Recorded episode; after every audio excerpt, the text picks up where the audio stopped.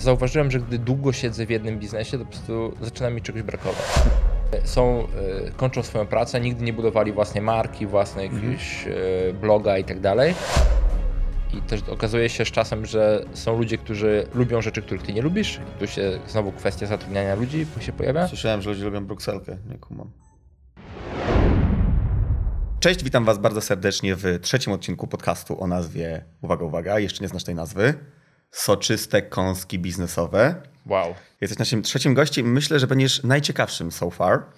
E, mianowicie jesteś w ogóle dla mnie bardzo ciekawą postacią, która wielu rzeczy nie robi, które robi pewnie większość przedsiębiorców. Hmm. Między innymi to, że z tego co wyłapałem, z tego co póki co publikujesz, to to, że y, starasz się pracować jak najmniej, a nie jak najwięcej. Nie jesteś typem hustlera, który po prostu od 7 rano do 23 pracuje nad swoim biznesem, tylko dążysz do tego, żeby być jak najefektywniejszym, jak najskuteczniej delegować. No i potrafisz żonglować kilkoma piłkami, piłkami jednocześnie, bo masz kilka firm i cały czas przy każdej naszej rozmowie, a były już dwie, słyszałem, że no właśnie otwieram nowy biznes, więc tak, jest tak. pewnie jest, jest to więcej niż jedna firma.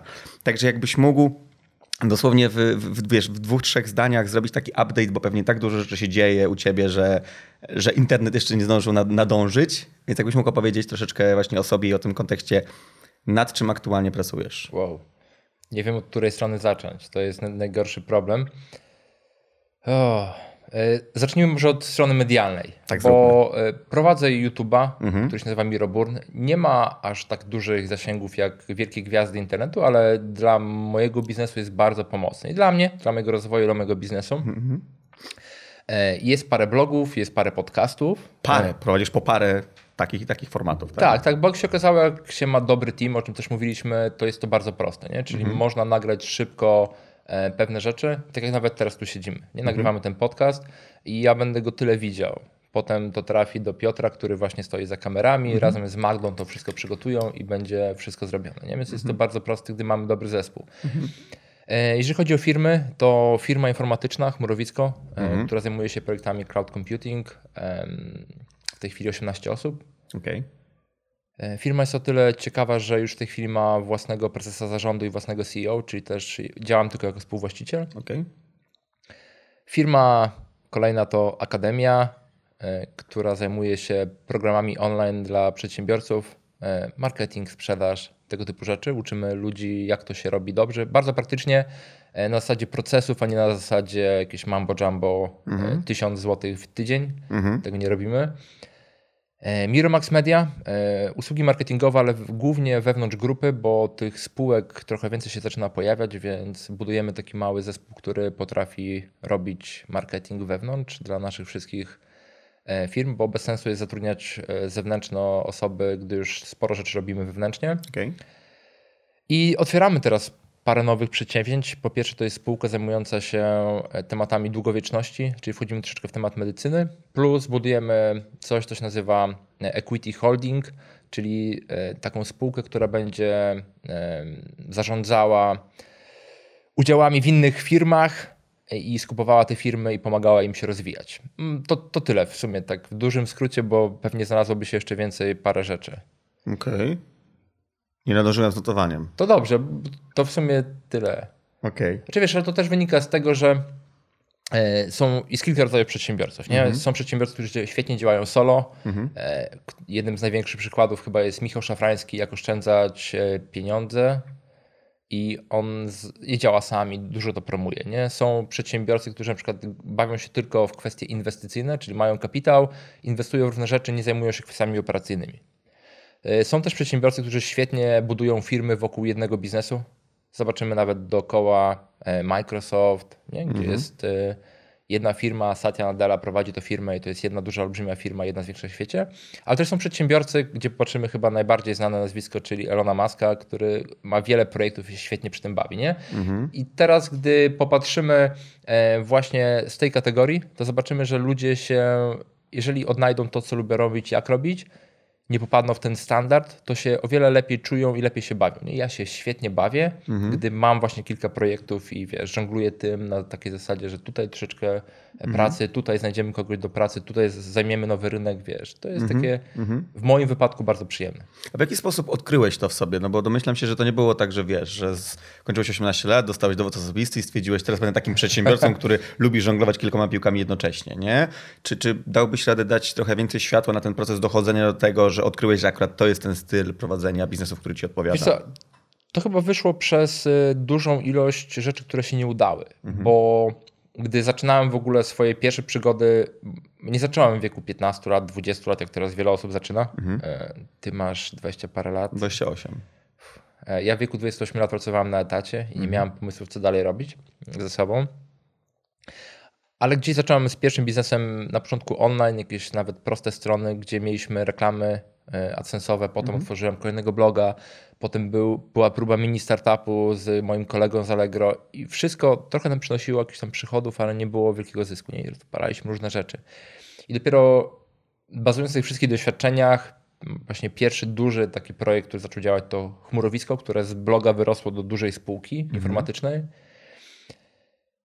ale z czasem e, zacząłem właśnie czuć taką potrzebę robienia czegoś nowego, nie? Cały czas, więc powstał kolejny blog, potem kolejny projekt i tak dalej i zauważyłem, że gdy długo siedzę w jednym biznesie, to po prostu zaczyna mi czegoś brakować. Mhm. A długo to ile dla ciebie? Długo? Dwa, trzy miesiące. Jeżeli siedzę przy jednym projekcie, to się zaczynam nudzić. A myślałem, nie? że ja mam e, ten. Ale wiesz, to małą nie cierpliwość. Nie chodzi o to, żeby w 100% się oddawać innemu projektowi, ale mhm. na chwileczkę. Nie? Mhm. Na chwileczkę niech sobie to działa samo przez chwilę a ty coś nowego otworzysz, może coś, jakieś udziały przejmiesz albo odsprzedasz i za chwileczkę wracasz z powrotem wiesz, z mhm. nowymi pomysłami, e, z nowym spojrzeniem. Jasne, czyli są jakby te, takie etapy, w których dokładasz wartość, dokładasz wartość, potem patrzysz, jak ta wartość przełożyła się na, na tak, rezultaty, tak. dajesz temu odetchnąć 2, 3, 4 miesiące w zależności od tego, albo rok, układa, albo rok i wracasz ze świeżym spojrzeniem. To jest myślę ciekawa umiejętność, której można się od ciebie nauczyć. Mi się wydaje, że też jesteś typem takiego człowieka. Tak przynajmniej odbieram to, gdy patrzę z boku. Niedługo się znamy, ale mhm. tak, tak. Jakieś 13 sekund. Nie, już się raz widzieliśmy. No to prawda, to prawda. Wiesz co, ja akurat przez prawie 6 lat siedziałem w jednej, w jednej firmie, czy tworzyłem jedną firmę, to są Tokersi, to jest też szkoła hmm. angielskiego, o której ci tak. mówiłem. I dopiero niedawno tak naprawdę zrobiłem taki pierwszy poważny krok do, do innego biznesu. Między innymi polegało, znaczy wynikało to z tego, że miałem, miałem bardzo życzliwych i, i wspólników, i współpracowników, którzy przypominali mi, hej, jak się sfokusujesz na jednej rzeczy, mm, no to wtedy jesteś w stanie po prostu na tej jednej rzeczy wygenerować większy zwrot z inwestycji. I faktycznie to nie do końca było zgodne ze mną, ale wtedy dałem się do tego przekonać. I mówiąc szczerze, no bardzo dobry z tego rezultat wyszedł. Ale, co jest bardzo ważne, ten rodzaj bycia przedsiębiorczym i szukania nowych pomysłów może mhm. być realizowany w jednej firmie. Mhm. Teraz. Y, to się zgadza. Bo tak, też tak. słuchałem, co ostatnio mówiłeś, że po prostu też szukasz ludzi, którzy zajmują się kwestiami organizacyjnymi, żebyś ty miał mhm. e, możliwość robienia tego, co lubisz. Tak, bo ja operacyjnie jestem beznadziejny, dokładnie. Ja jestem dobrym komunikatorem, szukaniem partnerów, tak. marketingiem. Właśnie, wiele mhm. różnych rzeczy. Nie? Mhm. dlatego też tak zaskoczyło w mojej głowie, że jesteś tego typu człowiekiem, a wydaje mi się, że jeszcze za parę mhm. lat to mhm. pewnie się rozrośnie jeszcze bardziej. Zgadza się. A, najciekawsza anegdota właśnie w kontekście takich powiedzmy biznesowych skoku, skoków w bok, to to jak na pewnym etapie, jak już firma fajnie funkcjonowała, no to wymyśliłem sobie, że zrobię własny browar. Mimo, że generalnie o. raczej nie piję alkoholu, Um, nie znam się na tej branży, ale stwierdziłem, że to jest zajebisty pomysł, bo my też mieliśmy oprócz tego, że, że mamy szkołę angielskiego, to jeszcze obok tego jest taki cykl eventów z angielskim przy kawie. Wtedy był bardzo mocno rozkręcony, teraz jest w takim trochę powiedzmy trybie, trybie przeczekania. Natomiast wtedy mieliśmy nawet w pięciu lokalizacjach jednocześnie, nie tydzień w tydzień w pięciu miastach. I, i stwierdziłem, że to jest świetna platforma do tego, żeby zacząć de facto z własnym brandem y, piwnym. Miałem już dograny, wiesz, kontakt do, do, do, do browarnika, ceny, etykietę, logo, wszystko, nie? Ale wtedy właśnie kilka życzliwych osób powiedziało mi, wiesz co Wiktor, ty prowadzisz szkołę angielskiego, a nie browar, więc co ty tutaj odpierdalasz? Nie? I, I dałem się przekonać do tego, w sensie dałem się przekonać do tego, żeby porzucić ten pomysł na tamtym etapie i z perspektywy czasu widzę, że akurat to była dobra decyzja. Nie? Więc no, ja myślę, że to jest, wiesz, to jest zawsze gdzieś tam taki, taki kompromis pomiędzy tym, co ty wewnętrznie czujesz, że chcesz, a pomiędzy tym, że jednak ja słyszę wszystkich, nie wszystkich słucham. Nie? Gdzieś tam dążę tak, do tego, tak. żeby syntezę wyciągnąć z tego, że z jednej strony pamiętam, że mam swój punkt widzenia, z drugiej strony, że mój punkt widzenia może być, a nawet na pewno jest w jakimś sensie ograniczony. Nie? I w tym przypadku no, świetnie się to, się to zgrało. Ale też nauczyłeś się dużo, bo wiesz, jak wygląda proces i wiesz, które mhm. rzeczy z marketingiem łączyć w którym biznesie, więc Zgadza się. dobra nauka. Nawet wiem, kiedy, kiedy przychodzi czas, żeby rozejść się z całym zespołem marketingu generalnie jednego dnia, kiedy się człowiek zdaje sobie sprawę, że całe założenie dla tego teamu, które zrobił rok wcześniej, było kompletnie bez sensu. To było w ogóle jedno z najbardziej, z jednej strony traumatycznych przeżyć biznesowych, a z drugiej najbardziej pouczających, no bo, bo mówię, bo w ciągu 20 minut, bo tylko tyle to trwało czasu, no z trzema osobami miałem rozmowę, w której powiedziałem, słuchajcie, no musimy zakończyć projekt pod tytułem własny wewnętrzny dział marketingu, bo po prostu koncept, który przyjąłem na początku był bez sensu. Nie? Bywam. E, swoją drogą też miałem dokładnie taką samą sytuację w tym roku, gdzie jeden zespół, który był trzyosobowy, został zmniejszony jednego dnia do jednoosobowego. Mhm. E, właśnie w tej samej zasadzie, bo się okazało, że jeden koncept nie jest dobry. Mhm. Takie to, życie. Ale to wynikało z tego, że, że, że to twoje założenie było błędne, czy coś ten zespół nie, nie dowoził tak, jak miał? Nie. Ja uważam, że nigdy nie ma czegoś takiego jak wina zespołu. Nie? Mhm. Zawsze, gdy budujesz coś, to zawsze jesteś odpowiedzialny za to. Mhm. I tu były po prostu złe założenia, źle przemyślane wejście na rynek, e, wiele innych rzeczy. Mhm. Może zostawię w lekkiej tajemnicy, ale właśnie Jasne. tak to było. Moja wina. Rozumiem, no, u nas bardzo podobnie. Nie? Ja, ja się czułem w pełni odpowiedzialny za całą tę sytuację, natomiast bardzo ciekawe było to, że każda z tych trzech osób zareagowała zupełnie inaczej. Mm. Nie? Bo jedna osoba tak naprawdę, i nawet też o tym napisałem na Facebooku dawno temu, więc myślę, że tutaj tym bardziej możemy o tym porozmawiać, skoro to tak już było dawno upublicznione i, i nikt nie miał z tym problemu. Mianowicie jedna z osób y, się wściekła, nie? na zasadzie byłem tym złym, chyba do dzisiaj jestem tym złym dla niej. Y, druga się mm, podłamała i, i, nawet gdzieś tam był płacz na, na tym spotkaniu, natomiast potem się okazało, jakiś rok później, czy półtora roku później, właśnie po tym poście, który opublikowałem jakieś trzy miesiące temu na temat tego, na, tych, na temat tych moich doświadczeń związanych z, ze zwalnianiem ludzi takim, wiesz, etycznym, takim zgodnością, odezwała się, hej, słuchaj, widziałem w twoim poście, że, że chyba ci się wydaje, że jestem na ciebie zła, natomiast nie jestem, więc mm. spotkajmy się i oczyśćmy atmosferę i naprawdę spotkanie wyszło zajebiście. Mm, więc dobre flow wróciło. Na trzeci gościu, no to w ogóle było dla mnie spektakularne, bo on powiedział, Blues Victoria to rozumiem. Na zasadzie shit happens, taki jest biznes e, i tak naprawdę... Dorosłe wiesz, podejście. Bardzo dorosłe, bardzo dojrzałe podejście. I najlepsze było to, że to akurat był grafik, ten, ten, ten, ten, ten trzeci chłopak to był, to był grafik, designer i on że Dwa, trzy miesiące później do niego napisałem wiadomość, hej, jak ci idzie? A on powiedział, słuchaj, wiesz co, na pół roku do przodu mam zlecenie jako mm. freelancer, bo ja też mu pomogłem na początku, wiesz, rekomendując go i linkując z osobami, które mogą mu tam dawać zlecenia, czy to agencyjne, czy takie bezpośrednie z klientem, nie? Więc mm, jest to jest w ogóle ciekawe, mm, ten, ten, ten, ten proces zwalniania z perspektywy psychologicznej, bo myślę, że to jest w ogóle bardzo stresujące, e, zwłaszcza jak się robi to na początku, nie? To nie jest coś, co przychodzi łatwo, e, nawet jak dzisiaj miałbym to zrobić, znaczy, wiesz, z kolejną osobą się rozstać, to to jest gdzieś tam, buduje napięcie, Natomiast można zrobić to z godnością. Nie? To nie jest coś, hej, tak, jesteście wylani elo, tylko hej, słuchajcie, no to po prostu nie zadziałało. Jesteście wylani elo. Spodobało ci się mówić, taka odzywka. Więc aż, aż tak się podekscytowałeś, że ci woda poleciała. Aż się, Miro się zajarał. Aż się zajarał. Miro is burning. To już nie jest Miro muszę, burn, tylko is burning. Muszę się schłodzić. Trochę tak, może tak do czoła, wiesz. Okej, okay, a, a jak, jak, jakie ty masz doświadczenia właśnie, jeżeli chodzi o rozchodzenie się z, z pracownikami? Na tyle, na ile czujesz się komfortowo, żeby mówić oczywiście. Nie, nie, a czy to jest naturalna rzecz, którą, którą gdy budujesz firmy szczególnie e, robisz, nie? Zawsze też jest ta sytuacja, gdzie nie masz pewności, czy projekt się uda, czy się nie uda, szczególnie w mhm. początkowej fazie. Mieliśmy okazję, a już miałem okazję, mimo dość krótkiej historii biznesowej, e, rozstawać się z wspólnikiem, rozstawać się z członkiem zarządu, pracownikami, kontraktorami, ale to jest naturalna rzecz. Nie? -hmm. Gdy... A masz jakąś taką, powiedzmy, złotą myśl, jakąś taką główną rzecz, którą ci przyświeca w momencie, kiedy komunikujesz im, że słuchajcie, to, to koniec tego epizodu?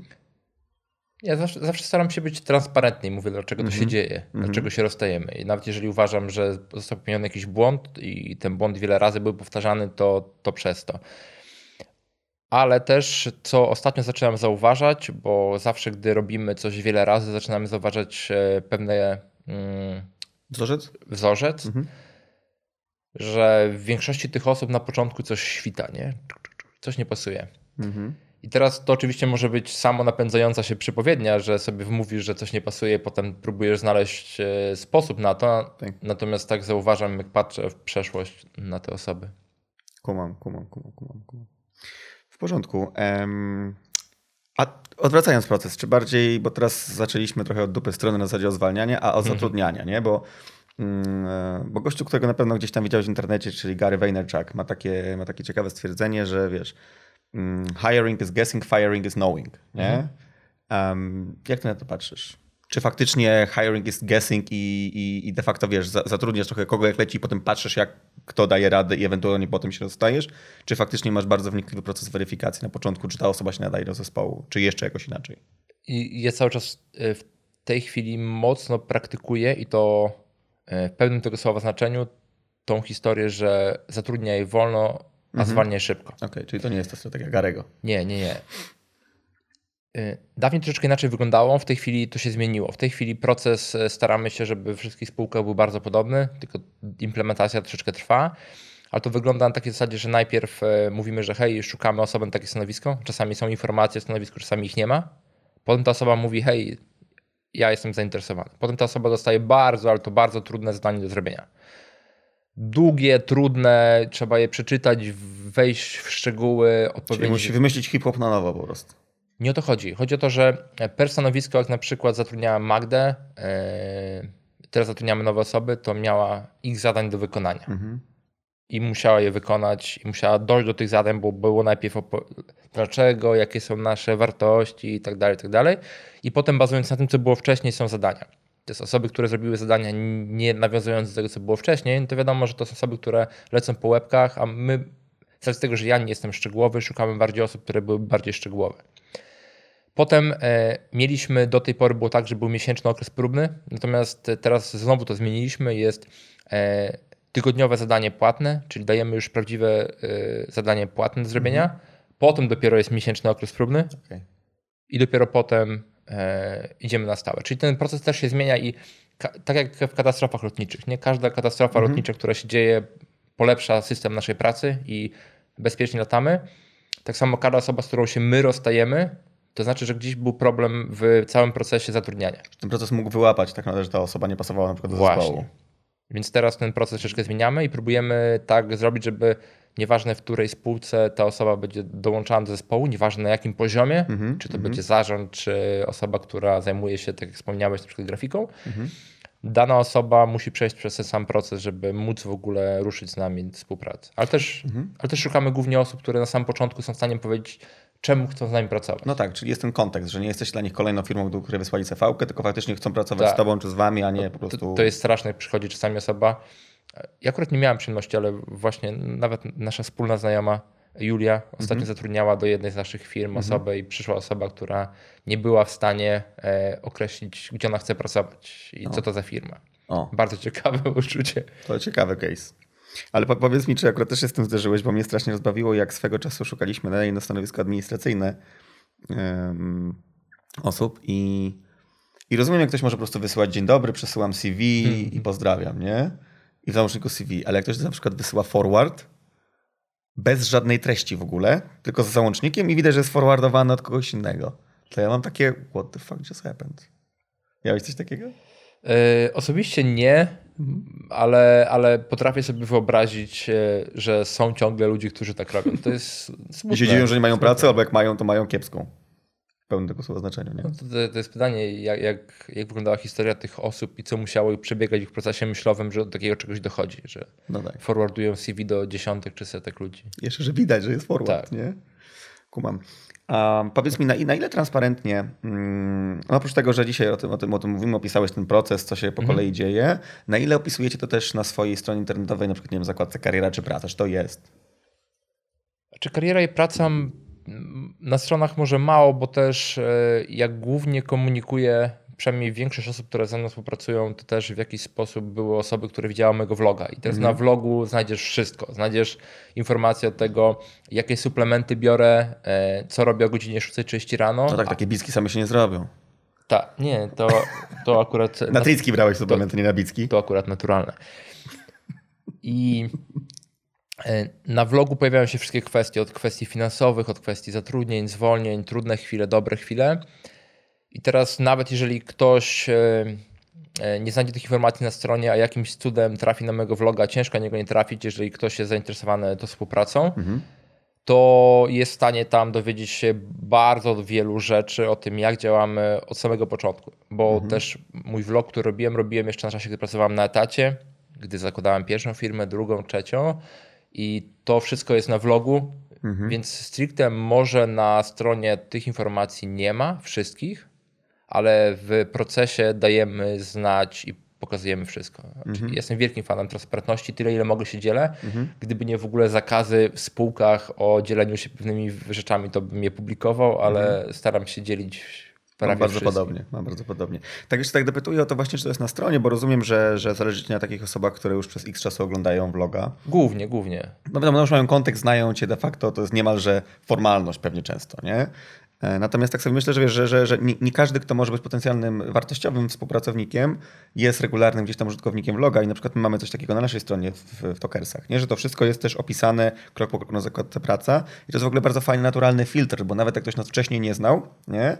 I ktoś tam gdzieś tam mu wzmiankował, albo mamy takie sytuacje w stylu, wiesz, szłam ulicą, zobaczyłam was, wasz szyld mm. I weszłam na stronę i po zakładce kariera okazało się, że to jest praca dla mnie, więc powiedzmy ta zakładka zbudowała zalążek relacji. To jest osoba, która raczej by się nie przekopywała przez wszystkie vlogi, nie? I, I tak sobie myślę o tym, że to jest w ogóle fajny, taki naturalny filtr, że, że nie dość, że te osoby, które już mają tą relację poprzez tego vloga, no to dość oczywisty sposób, że, że jesteś w stanie przyciągnąć, ale też takie, które dopiero na ciebie trafiły nie? i nie, nie będą inwestowały aż tyle czasu w tego vloga. Jasne, jasne, ma to sens. I na przykład u nas to super działa. Nie? Naprawdę, mamy, dosłownie mamy historię. Wczoraj pamiętam, że odkopywałem jeden, jeden, jeden wątek, mm, żeby zobaczyć w jaki sposób właśnie trafiła do nas jedna z lektorek, którą przyjęliśmy.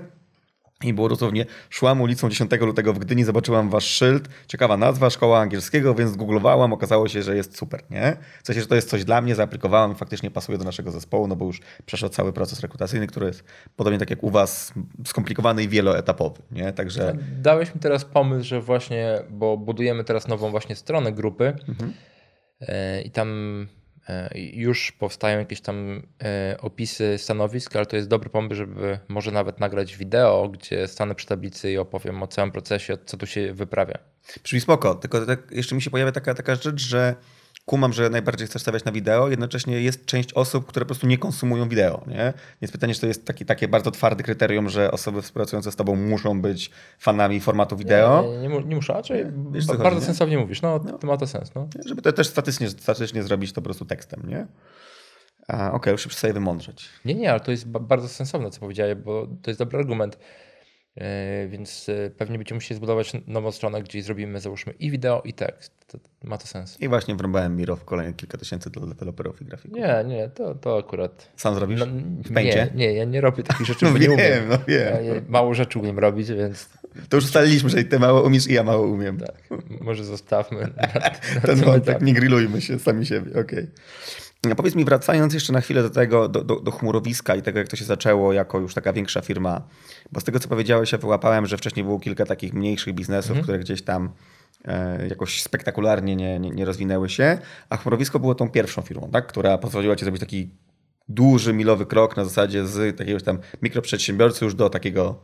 Czy chmurowisko było tyle istotnym elementem, bo chwili, gdy pracowałem na etacie, bo pracowałem w tych e, zagadnieniach dookoła właśnie cloud computingu, mhm. tej technologii dookoła IT i prowadziłem bloga Chmurowisko, które miało dość dobrą czytalność. E, może nie dużo z poziomu e, Polski, ale to było załóżmy kilkaset wejść dziennie, co w mojej niszy było super. No tak. Czyli osoby zainteresowane, bo to jest ważne, żeby nie, nie docierać do wszystkich, tylko do osób, które, które są zainteresowane. I w chwili, gdy odchodziłem z etatu na własną działalność, to wtedy to był taki naprawdę pierwszy raz element w moim życiu, gdzie w 100% się skupiłem na czymś e, jednym. Prawie jednym, bo był też vlog i były tam inne rzeczy, które gdzieś tam próbowałem grzebać, ale to było skupienie się już na oficjalnym powiedzeniu światu, że dzień dobry, od dziś nie jestem firma X, od dziś nie jestem firma X, od dzisiaj jestem Mirek Burnejko i własna firma. Mhm. I działamy. Wtedy jeszcze nie było spółki chmurowiskowej. Spółka chmurowisko była następstwem projektu, gdzie jeździłem po klientach, i usiadłem z jednym klientów i klient powiedział, no dobrze, no to robimy wspólny projekt, e, jest do zrobienia to, to i to i to. I ja z mhm. racji tego, że na początku e, zależało mi na klientach i zawsze wierzyłem, że jak znajdę projekt, to i znajdę ludzi tego projektu, mhm. dopięliśmy deala, wyszedłem z sali, myślę, ok, dobra, nie wiem jak to zrobić. LinkedIn, szukanie, szukanie. Damian, Damian to rozumie. Zadzwoniłem do Damiana, mhm. e, ugadaliśmy się, e, podzieliliśmy się. Dosłownie wtedy też była transparentna. Powiedziałem, Damian, za ten projekt biorę, nie wiem ile to było, czy to było 40 tysięcy, czy coś koło tego. Mhm. Dzielimy się pół na pół, trzy, może pięć dni roboty. Zróbmy razem projekt. No spoko, zobaczymy. Zaczęliśmy razem pracować, wyszło bardzo fajnie. Wyszliśmy dosłownie chyba pierwszego czy drugiego dnia e, na przerwę na zewnątrz e, budynku. To chyba było w Łodzi. Chyba było w Łodzi. I żebyśmy razem zrobili firmę. I tak od słowa do słowa e, Damian dołączył, założyliśmy spółkę po to samo nazwo, co był blog, Murowisko, Murowisko. No i reszta jest historią. Potem już podeszliśmy do tego jako przedsięwzięcie, gdzie mamy kapitał i zatrudnialiśmy kolejne osoby. Ale to ogóle fajnie, co powiedziałeś, bo ja myślę, że w ogóle powszechnie pokutuje tak, takie przekonanie, i to nie tylko w Polsce, powiedziałbym, że na całym świecie, że wiesz, że, że budowanie biznesu to jest zawsze, wiesz, ogromny biznesplan, wiesz, analizy i tak dalej. A to często jest taki w sumie trochę przypadek. Na przykład u nas było tak, że ja po prostu, jak zostałem wywalony z pracy w kawiarni w Londynie, zacząłem prowadzić y, zajęcia z angielskiego dla Polaków na wyspach. Miałem tak, dwóch tak. klientów, nie? A tam 6 lat później 6 lat 50, 50, 50 pracowników, 500 klientów i tak dalej, nie? Bez żadnych biznesplanów to było, wiesz, kartka, kartka długopis, kawa, e, bo w kawiarni mieliśmy te zajęcia, więc nie, nie, nie, nie u nas w mieszkaniu.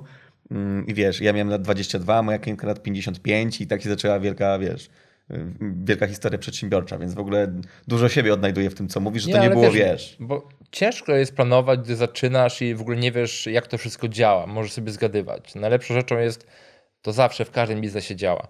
Znajdź klientów, którzy są w stanie ci zapłacić za twoje usługi. A potem zorganizuj całą infrastrukturę, żeby całą dostarczyć. infrastrukturę i staraj się jak najszybciej znaleźć ludzi, którzy zrobią tę robotę za ciebie. I lepiej niż ty, kiedykolwiek zrobisz. To, to, nie jest, to w moim przypadku to nie jest trudne. Same here. Każda osoba, więc y, mam o wiele łatwiej, nie? Szukać ludzi do współpracy. Okej, okay, okej. Okay. okay, w porządku. Mm. No dobra, bo chciałem zapytać właśnie, co, co, co się wydarzyło, czy co sprawiło, że chmurowisko jako pierwsze zatrybiło tak na większą skalę, ale mam wrażenie, że już odpowiedziałeś w dużej części na to, mówiąc, że to trochę taki przypadek, no ale przypadek... też proaktywność, nie? Ta proaktywność na pewno się przyczyniła do tego przypadku. To nie do końca tak, bo y, ja cały czas uważam, że najpierw musisz mieć klientów. I teraz, hmm. gdy był blog chmurowisko, y, ten blog, ja za, zawsze od początku byłem wielkim fanem budowania listy mailowej. Hmm. I tą listę mailową zacząłem budować już, gdy jeszcze ten blog był bardzo wczesny i kilka tysięcy osób się zebrało. I to nie byli czytelnicy na zasadzie losowi, losowe osoby, ale osoby bardzo zainteresowane tym tematem. Mhm.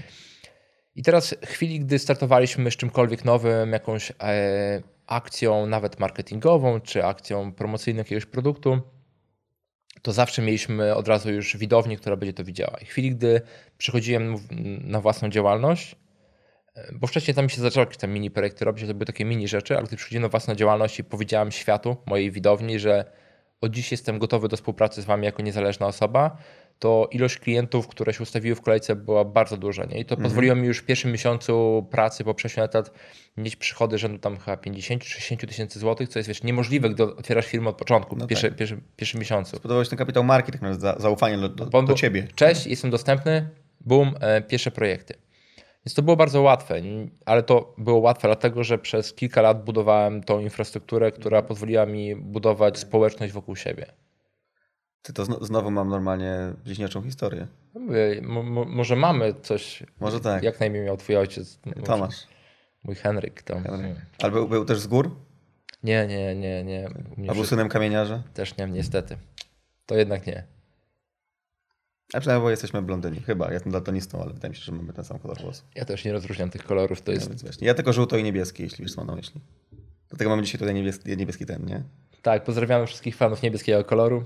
Żółto-niebieskiego koloru. Żółto-niebieskiego koloru. Ej, nie właśnie. wiem, o czym mówisz, bo się nie znam na tych zagadnieniach z rugby, ale... z rugby. Okej. Okay. Moje serce jest złamane. Nie jesteś fanem rugby? Wolę piłkę nożną. Okej. Okay.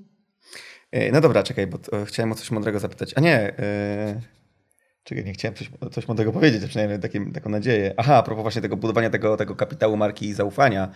Hmm, jak mówiłeś właśnie o tym, że budowałeś tą listę mailingową i potem dość szybko osiągnąłeś w pierwszym miesiącu tam mhm. 50-60 tysięcy obrotu, czy też przychodu, e, no to my mamy bliźniaczą historię, no bo ja tak przez ostatnie 5,5 roku byłem de facto współodpowiedzialny za budowanie Tokersów, za ten brand mhm. szkoły angielskiego.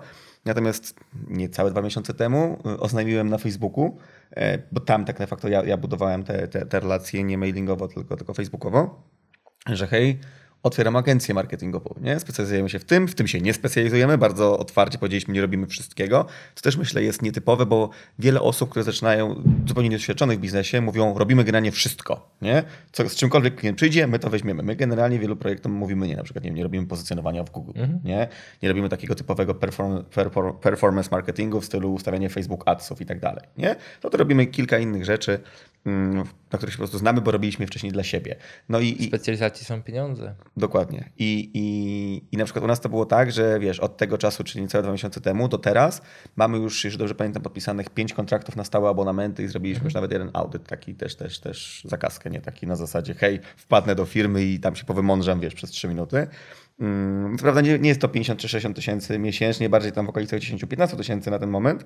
Natomiast to potwierdza twoje słowa, nie? Że, że ktoś, kto po prostu stwierdziłby, otwieram dzisiaj agencję, to było no okej, okay, ale nie masz, ludzie nie mają już do ciebie zaufania biznesowego, de facto nie znają cię, e, a, a w tym momencie, jak ludzie już obserwowali przez 5,5 roku to, jak ja budowałem brand tokersów, to jest takie, o, ja chcę to, co Wiktor. No to ja przyjdę do niego, zapłacę mu, bo on mi pomoże zrobić to, co on zrobił wcześniej dla siebie, nie? Więc ten bycie tym, tym myślę, takim własnym najlepszym testymonialem, czyli bycie własnym testymonialem jest najlepszą, myślę, formą mhm. sprzedania tematu na samym początku. Ale tu jest jedna rzecz, o której warto też wspomnieć, że e, gdy zaczynamy szczególnie z kwestiami biznesowymi, to ludzie się zazwyczaj dzielą na dwie grupy pod względem problemu. Niektórzy mhm. mają czas, niektórzy tego czasu nie mają. Mhm. Czyli niektórzy muszą Niektórzy mają kredyt, a niektórzy nie mają kredytu. To też, ale też załóżmy, są, y, kończą swoją pracę, nigdy nie budowali własnej marki, własnej mhm. jakiegoś mhm. bloga i tak dalej. I nagle mają miesiąc, muszą coś wymyślić, bo inaczej nie będą mieli co zapłacić. Wtedy właśnie wchodzi to magiczne słowo hustle, tak. czyli narzędzie, które pozwala ci osiągnąć rezultat bardzo szybko, robiąc różne dziwne rzeczy. Mhm. Tutaj dochodzi ta praca, bo mi też się zdarzało przy niektórych projektach pracować od rana do późnej nocy. I czasami trzeba ale jeżeli masz już zbudowaną relację ze swoimi y, widzami czy słuchaczami, masz załóżmy te kilka tysięcy osób, które cię śledzą, followują, robienie biznesu jest bardzo proste. Mhm. Zadajesz im pytanie, cześć, jaki macie w tej chwili problem? No, najwięcej mamy z tym problem. Ok, to ja go rozwiążę, tu, tu jest konto, przelewacie pieniądze, ja za miesiąc będę miał rozwiązanie. Proszę bardzo. I problem rozwiązany. Właśnie mówiłeś przed naszym dzisiejszym wywiadem, tak? tak że miałeś tak. takiego gościa, który pytał, ile i na jakie konto? Tak. I już weszło. Pięknie, pięknie. Um, no dobra, a jaka jest taka najważniejsza rzecz, której się można od ciebie nauczyć? Ode mnie? No. Ode mnie lepiej się niczego nie uczyć. No już nie bądź taki skromny. Jest jedna rzecz, którą wydaje mi się... Jak mówisz, jest jedna rzecz, to mi się od razu kojarzy, że jest jedna rzecz, na której warto żyć. Kojarzysz ten rytm? Hip-hop. I nie zmienia się nic. Jest jedna rzecz, na której warto żyć. Ja zawsze jestem człowiekiem, który szybko wdraża to, co przychodzi mi do głowy. Czyli gdy myślimy na przykład, zrób, zróbmy sobie podcast, zobaczmy jak zadziała. To nie jest kwestia analizy 10 dni, to jest kwestia 4 minut. Chwili, gdy usiadam, nagrywam podcast i lecimy. Chwili, gdy robimy nowy biznes, e, nowy projekt, e, w ciągu 5 minut szukam klientów na ten projekt. Jeżeli znajdą się pieniądze, znajdą się klienci w ciągu 5 minut, jest to coś, co warto robić. I takich eksperymentów robię dużo, czasami kilka dziennie. Niektóre się udają, niektóre się nie udają. W większości się nie udają ale to jest ta rzecz, że dużo... A jak się wtedy czujesz, jak się nie udają? Nijak. To jest proces. Dawniej się bardzo źle czułem, jak się projekty nie udawały. A co to znaczy źle? No załóżmy, e, e, robimy jakieś e, zapytanie do rynku, gdzie chcemy coś e, uruchomić nowego, nikt nie odpowiada, ewentualnie mamy negatywne rzeczy. Albo na przykład tworzymy nowe wideo tutaj, które chcemy spróbować na rynek, przetestować jak zadziała. Ludzie piszą, że jest okropne. Poświęciliśmy czas, poświęciliśmy pieniądze, żeby to zrobić, nie działa. Otwieramy nowy biznes, nie działa, ludzie nie kupują, pieniądze się na e, koncie kończą, trzeba zwolnić ludzi. To jest cały czas nauka, która w przyszłości pozwoli podejmować lepsze decyzje. Mhm. Najgorsza rzecz, którą można zrobić w takim kontekście, to nie robić tych eksperymentów i wszystko w głowie procesować. W mhm. głowie to sobie możesz procesować wszystko, co tylko chcesz. Możesz sobie latać po galaktykach i odwiedzać wnętrze atomów, mhm. ale dopiero e, w kwestiach biznesowych, jeżeli zmierzysz dany pomysł z rynkiem, czyli z ludźmi i jeżeli masz pomysł biznesowy i znajdą się pieniądze na koncie, to jest dobry pomysł. Można już myśleć o nim, żeby go rozwijać. Ale dopóki tego eksperymentu nie zrobisz i tam myśli nie przerobisz w projekt, no i to, co ja robię, to bardzo szybko wykonuję swoje pomysły, czy sobą, mm-hmm. czy zespołem. Mm-hmm. W dużej części jest mi to bliskie podejście. Na zasadzie właśnie, na zasadzie jak jest jakaś idea, to nie rozkminiajmy w nieskończoność, tylko znajdźmy sposób, żeby to zrobić. Jednocześnie pojawia mi się taka, mm, nie wiem, czy obawa, czy obiekcja, czy, czy, czy w tym momencie nie stajesz się zbyt chaotyczny i czy zbyt mocno po łebkach nie, nie ogarniasz tematów, nie? No bo można oczywiście, wiesz, spróbować rozwiązać ten biznes, ten i ten będzie dawał 5 tysięcy miesięcznie, ten 2, ten 300 zł i tak dalej, czy nie lepiej ten sam czas poświęcić na to, żeby zrobić coś, co wiesz, za 3 lata będzie dawało milion miesięcznie, a, a, kiedy wiesz, te inne by dawały w sumie 72 tysiące. Ale to nie o to chodzi, żeby skakać po łebkach. Chodzi o to, że załóżmy mamy, e, tak jak weźmy za przykład firmę Chmurowisko, mhm. nie? I teraz pojawia się e, idea, że spróbujmy teraz z nowym produktem, bo klienci o to proszą i tak dalej. No i teraz jedna droga jest taka, że można siedzieć przez pół roku, analizować te dane, zbierać te dane wszystkie, mhm. a z drugiej strony można na bazie opinii naszych klientów zrobić szybko mini wersję nawet opisu tego produktu mhm. i wysłać ją do 10-20 klientów, którzy są tym zainteresowani. Tak. I teraz zrobić założenie, załóżmy, jeżeli trzech klientów to otworzy i powie, że robimy to, to to jest świetny element, żeby ten produkt rozwijać. Mhm. Czyli nie spędziliśmy e, roku czasu, żeby przepalać moce finansowe i czasowe ludzi, żeby myśleć o tym, czy to zadziała, tylko na początku sprawdźmy, jak rynek zareaguje, a potem myślmy, czy to będzie działać, bo e, co wiele osób, i to szczególnie, które zaczynają biznes, mają z tym problem, że kminią, e, wiesz, poświęcają swój czas na kminienie, mhm. zamiast poświęcić swój czas na sprawdzenie, czy rynek jest tym zainteresowany. Nie chodzi o to, żeby otwierać setki innych produktów. To nawet w kontekście jednej firmy, w podejmowaniu takich szybkich decyzji, to jest e, moim zdaniem mega ważne. Mhm.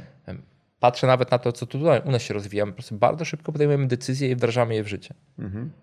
To jest zarobiste, co mówisz, bo właśnie ja, ja zawsze czułem w ogóle alergię do jakichkolwiek, znaczy tak to, tak to rozumiem, co powiedziałeś, że to jest takie podejście na zasadzie, nie robimy ankiety wśród klientów czy potencjalnych klientów, nie pytamy de facto mm, rynku, jaki chcielibyście telefon, no bo jakby zapytali Steve'a Jobsa, jaki chcieliby telefon, to żeby miało więcej tych, tak, no, więcej przycisków. Nokia nie? i więcej guzików. Dokładnie, dokładnie, dokładnie. Czyli wsłuchujemy się w głos, ale taki trochę wypowiedziany między wierszami i, włączamy maksimum empatii, no ale potem zderzamy to z rynkiem i patrzymy, czy ten rynek to kupuje, bo tak naprawdę to, że ktoś mi powie w ankiecie, że kupiłbym, ale de facto, wiesz, potem nie nie pójdzie za tym akcja w postaci przelewu, no to tak naprawdę to jest taka trochę pusta opinia, nie? Z perspektywy tak. biznesowej. Czy tutaj chyba mi zawsze w głowie stoją najbardziej słowa Jeffa Bezosa z Amazonu. Mhm. E, trochę pewnie te słowa przekręcę, ale koncepcja była taka, że e, rolą klienta nie jest e, wymyślenie, co my mamy zrobić. Mhm. Rolą klienta jest powiedzenie, jaki ma problem, mhm. a mój zespół i ja Mhm. Mamy użyć wszelkiej innowacji, którą mamy produktową, marketingowo-sprzedażową, żeby ten problem najlepiej rozwiązać. Mhm. Czyli bardziej słuchajmy, jacy ludzie mają problemy, dlatego też nie jestem olbrzymim fanem, w ogóle nie jestem fanem, wręcz pierwszym, który będzie to hejtował, e, sytuacji, gdzie budujemy produkt, nigdy nie rozmawiając z klientem. To jest, e, to jest tak jakby rzucić monetą, e, która ma pewnie jedną reszkę i 50 orłów i jak wypadnie reszka, to znaczy to zadziała. Można zobaczyć nawet u największych gwiazd biznesu, nawet wspomnianego Jeffa Bezosa, wiele razy, że wypuszczali produkt i rynek tego nie łapał. Zawsze rynek weryfikuje. Mhm. E, Bezos miał ten swój telefon, którego już nie ma. Rynek nie Tak, to nawet e, nie wyłapałem tego, że miał telefon.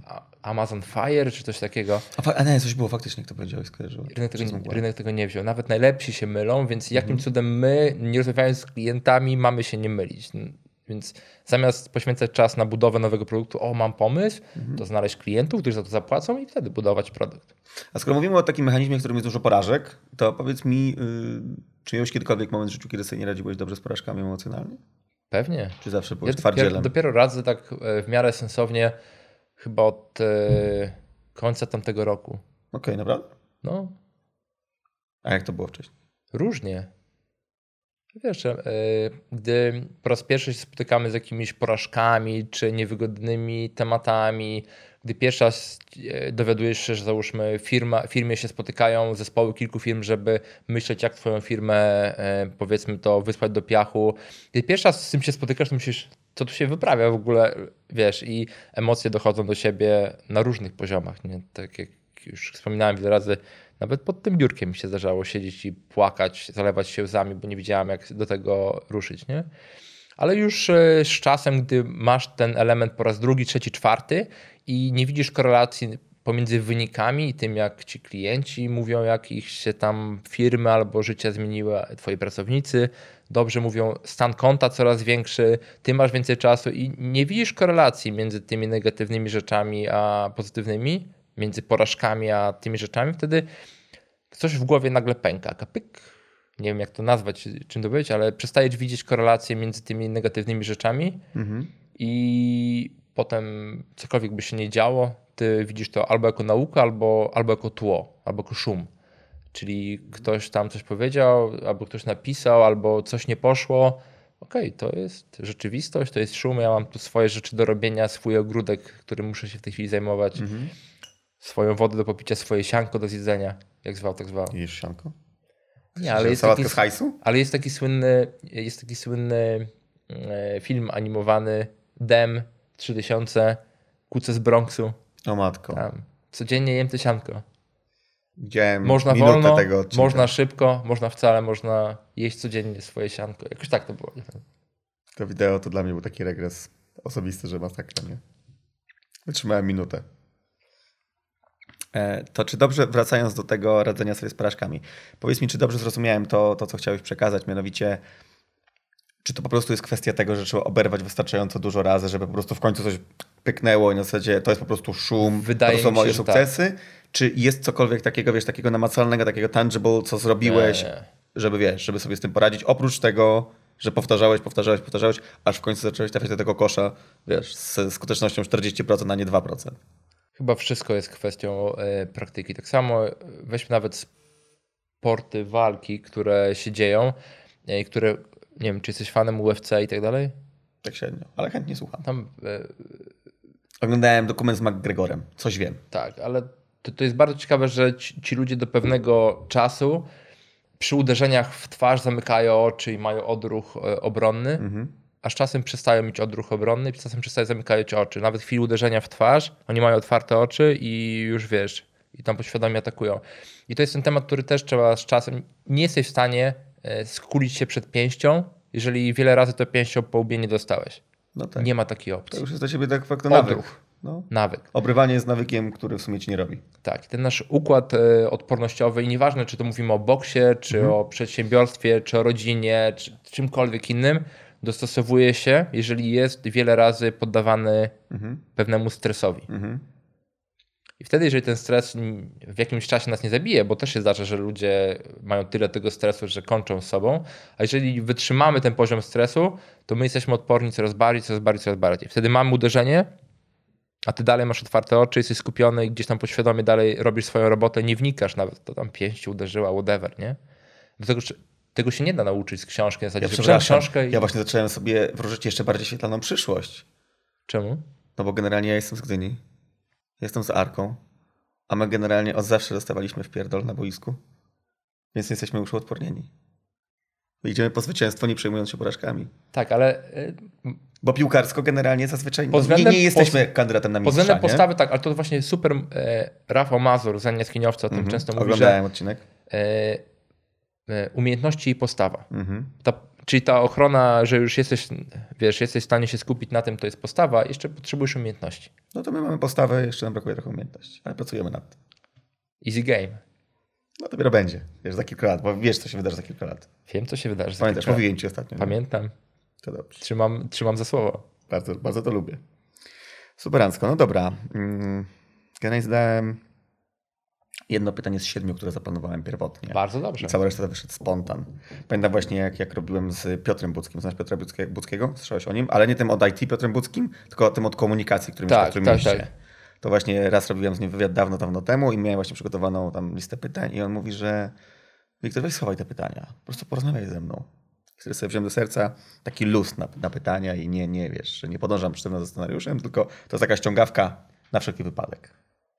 Też tak lubię, ale też ostatnio jestem coraz bardziej fanem spotkań. To właśnie mój dobry znajomy Maciej Niserowicz mnie do tego troszeczkę przekonał, że spotkań w ogóle bez agendy, bo to, co nas uczą głównie w korporacjach, że spotkanie musi mieć agendę, poświęcony czas.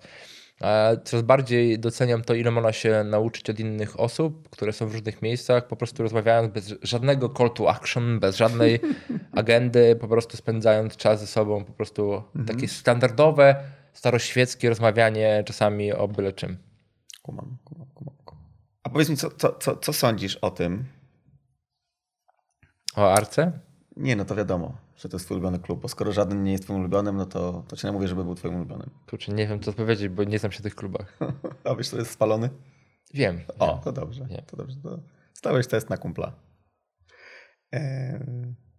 W kontekście budowania firmy, im ona jest większa, to co ja zauważyłem, to to, że wiesz, im, im, im firma jest dalej, tym de facto, tym mniej przedsiębiorczości potrzebuje, bo ta przedsiębiorczość wprowadza chaos, nie? Jak mówisz właśnie o tych, wiesz, o tych pomysłach, o tych szybkich decyzjach i tak dalej, nie? Jak firma wchodzi na poziom, wiesz, 15, 20, 30, 50 osób, no to tak naprawdę w tym momencie, gdybym ja zbyt mocno chciał być tak jakby z sobą wewnątrz organizacji, to ja de facto bym jej przeszkadzał, bo ja zawsze mam pomysły, jak zrobić coś inaczej, lepiej mhm. i tak dalej, mimo że w cudzysłowie wszystko już generalnie działa ok, bo tak. nie, doszlibyśmy, nie doszlibyśmy tam, gdzie jesteśmy, gdyby nie to.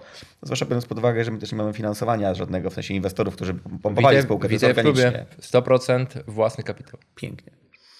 Ja nawet nie własny, tylko kapitał klientów. Wła kapitał klientów plus kapitał zakładowy. Kuma, kuma. U nas kapitał zakładowy był nawet wprowadzony jako chyba fragment metody. Nawet nie w gotówce. Ale wracając, e, więc, więc co sądzisz o takim, o takim przekonaniu? Ja na przykład takie mam, mhm.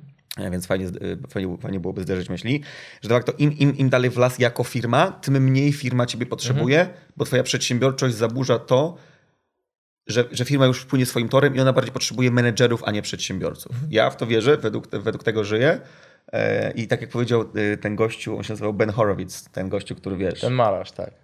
Z malarzem też? Nie, że okay. sobie. Nie, bardziej ten ziomek, wiesz, z Doliny Krzemowej. Mm, że mam, jak on tu ładnie powiedział, mam poglądy zdecydowane, ale płytko zakorzenione. Nie? Na zasadzie, póki coś wierzę, to mogę w to, wiesz, walczyć aż do śmierci, ale powiedz mi jedno zdanie, które pomoże mi de facto zmienić moją perspektywę i potrafię porzucić, porzucić paradygmat w 13 sekund i po prostu zrobić update systemu. Nie? Więc ja mam bardzo, bardzo podobne podejście do, do tego, co on reprezentuje, mm, zwłaszcza w tym kontekście, nie? o którym właśnie powiedziałem, o tym właśnie roli przedsiębiorcy w organizacji już rosnącej. E, więc mam trochę problem z wyobrażeniem sobie, jak to będzie, wiesz, prowadzić agencję, która będzie miała 100, 200 czy 500 osób, no bo w tym momencie operacyjnie już a de facto po, nie ma żywych, żaden stokersów, którzy mają prawie 50. A po co chcesz nie? prowadzić? Znaczy nie jako CEO operacyjny, bo to już od pierwszego dnia zaangażowałem wspólnika, który ma być tym mhm. CEO, nie? Więc trzeba będzie znaleźć tę, wiesz, tą, tą przestrzeń, żebym dokładał wartość w firmie, a nie przeszkadzał jej a moją czemu, przedsiębiorczością. A czemu chcesz dokładać? Co dokładać? No, skoro, bo wiesz, bo no. to jest taki temat... A, już wiem, już powiem ci dlaczego. No, no. Bo ciężko być rentownym na piłce nożnej, więc ktoś musi to finansować. Ale to nie to chodzi, bo y, jeżeli... Moim zdaniem przedsiębiorcy mają ten duży problem, że uważają, że są najlepsi albo potrafią coś robić najlepiej. My już sobie odpowiedzieliśmy do pytania. Że potrafimy najgorzej. Mimo tak młodego wieku, że się na tym nie znamy. Teraz ja ci dam przykład. Ty jesteś młody? Może, może nie tak bardzo jak ty, ale tak się uważam. Biologicznie przynajmniej.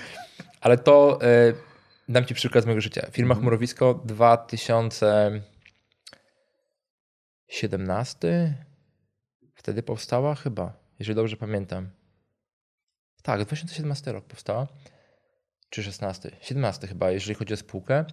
E, I zaplanowałem sobie to z racji tego, że ja, ja wiem, że nie jestem dobrym menadżerem, bo trzeba mieć odpowiednie skille, żeby to zrobić i nie jestem dobry w tym, w tym i w tym, że rozrysowałem sobie mapę na samym początku firmy, e, że w mojej firmie są takie stanowiska. Jest osoba od finansów, która się zajmuje w tej chwili Mirek Burnejko. Jest osoba od sprzedaży, która zajmuje się Mirek Burnejko i tak dalej. Wypisałem chyba z 25 stanowisk na początku wszystkie są twoje, a potem zaczynasz się rozdzielać jak najszybciej I możesz. od pierwszego dnia już dołączył Damian, przejął część techniczną, potem dołączył Marcin, przejął małą część i potem wiesz, gdy masz tych osoby w firmie, zaczynasz na nie patrzeć na zasadzie, dobra, to był mój pierwszy pomysł, jak mhm. mogę obsadzić te stanowiska, teraz co ta osoba jeszcze może więcej zrobić. Teraz okazało się w naszym przypadku, że e, Marcin ma świetne umiejętności sprzedażowe. Genialne. No to czyli bardzo szybko czu, czu, czu, po drabince wyżej. Mhm. Kolejne osoby dołączają do różnych zespołów, już ty troszeczkę mniej się zajmujesz zatrudnieniami, bo już inne osoby to robią. I potem e, doszedłem do wniosku, że kurczę, już w sumie ja, ja to firmą kieruję operacyjnie jeszcze, ale to, to nie jestem w tym najlepszy. Mhm. Patrzę, wspomniany już Marcin, no, to dobrze robi, spina bardzo dobrze operacyjnie, organizacyjnie. Więc Marcin w, w ciągu chyba 9 miesięcy zatrudnienia został CEO firmy. Szybki awans. I potem. U Miro są szybkie awanse, jak ktoś ogarnia kuwetę. I potem e, chyba 13 miesięcy zatrudnienia dostał też stanowisko prezesa zarządu. I w tej chwili ja operacyjnie w firmie nie działam, firma się dalej rozwija. Więc jeżeli masz odpowiednich ludzi i potrafisz ich w jakikolwiek sposób zmotywować do tego, żeby działały, a ludzie mają różne motywacje. Mają e, motywacje pod względem stanowiska, pod względem finansów, pod względem innych rzeczy, Co można zrobić, żeby zostać swoim padawanem, nosić ze tobą wodę i uczyć się przez osmozę? Ale nie, moim zdaniem nie ma sensu się tym nie uczyć. Jest wiele innych ludzi, o których yy, te książki, które wszystkie piszą mądrzy ludzie. To, co trzeba zrobić, to co już wspomniałem, trzeba jak najszybciej przeczytać, czytać książkę, to nie, że ją skończyć, tylko o, jaka fajna zasada, to ja wdrożę i zobaczę, jak, jak działa u mnie. To jest taki element, który działa. I tak właśnie z chmurowiskiem powstało i tak samo też planujemy inne. Dlatego teraz powstaje ten e, venture holding, czy tam capital holding, jak zwał, tak zwał. Dużo trudnych słów. Tak, ale odchodzi, że spółka, która będzie zarządzała wieloma spółkami, bo chcemy w ten sam sposób powtarzalny działać, bo to, to dość dobrze działa. Wiesz, jeżeli potrafisz znaleźć ludzi, dać im rzeczy, na którym im zależy, mhm. oni będą za ciebie budować biznes i będą się przy tym dobrze bawić, rozwijać siebie, swoją karierę, swoją rodzinę, wszystko dookoła, a ty po prostu jesteś tylko taką osobą, która gdzieś na koniec dnia może raz na pół roku czy na raz roku powie palcem tam, albo zrobi to, co prawdziwy taki CEO grupy robi, czyli e, alokację kapitału. Nagle masz tutaj, załóżmy, dodatkowe 2 miliony, które trzeba wydać do końca roku, no to, mm, no to może wpompujmy ją w tę spółkę, albo wpompujmy ją w ten e, pomysł biznesowy, mhm. albo wypłaćmy wszystkim jako premię. Mhm, mhm, mhm. A czy ten koncept z tym podziałem ról e, wynika z książki Mit Przedsiębiorczości? Tak, to jest. I, stary, ja, ja praktycznie jak... E, Czyli Miro poleca mi przedsiębiorczości. Zdecydowanie, bo znaczy, może nie wszystko, ale ten element z, z określeniem ról to właśnie stamtąd się zrodził. Tak samo jak na przykład jest książka niesamowitego Felixa Denisa How to Get Rich. Słyszałem właśnie, u Marcina Osmana widziałem, że podobno ogień. Tak. To jak zobaczysz sobie na przykład, e, jest tam taka e, jeden rozdział, gdzie Felix Denis pisze, jak swoje firmy budował i jakie zapisy miał w firmach na zasadzie, że Zarząd nie może sam sobie dać podwyżki, zarząd nie może zmienić siedziby firmy, zarząd nie może e, dodać nowej działalności i tak dalej bez Twojej akceptacji. To samo jest w moich umowach spółek. Masz e, jeden do jednego sobie przekopywałeś. Copy-paste? Gotowe rozwiązanie, e... gotowy system, nie? Jak to było? E, sła... Picasso mówił, słabi artyści, kopi... słabi artyści się wzorują, dobrzy artyści, artyści kradną. kradną. Więc mhm. ja wziąłem copy-paste z książki. Kumam, kumam, kumam. Ja chyba też coś takiego zrobiłem z czymś kiedyś, ale teraz nie mogę przypomnieć. Tak, coś mi... Ale wiesz, bo wszyscy, którzy zaczynają się bawić z przedsiębiorczością na początku, na początku jest zabawą, myślą, o ja będę innowacyjny i zrobię to najlepiej, jak, bo ja on, inny niż wszyscy. oni się nie znają. Tak. Oni się nie znają. A oni się znają. To wszystko zostało przerobione wiele razy.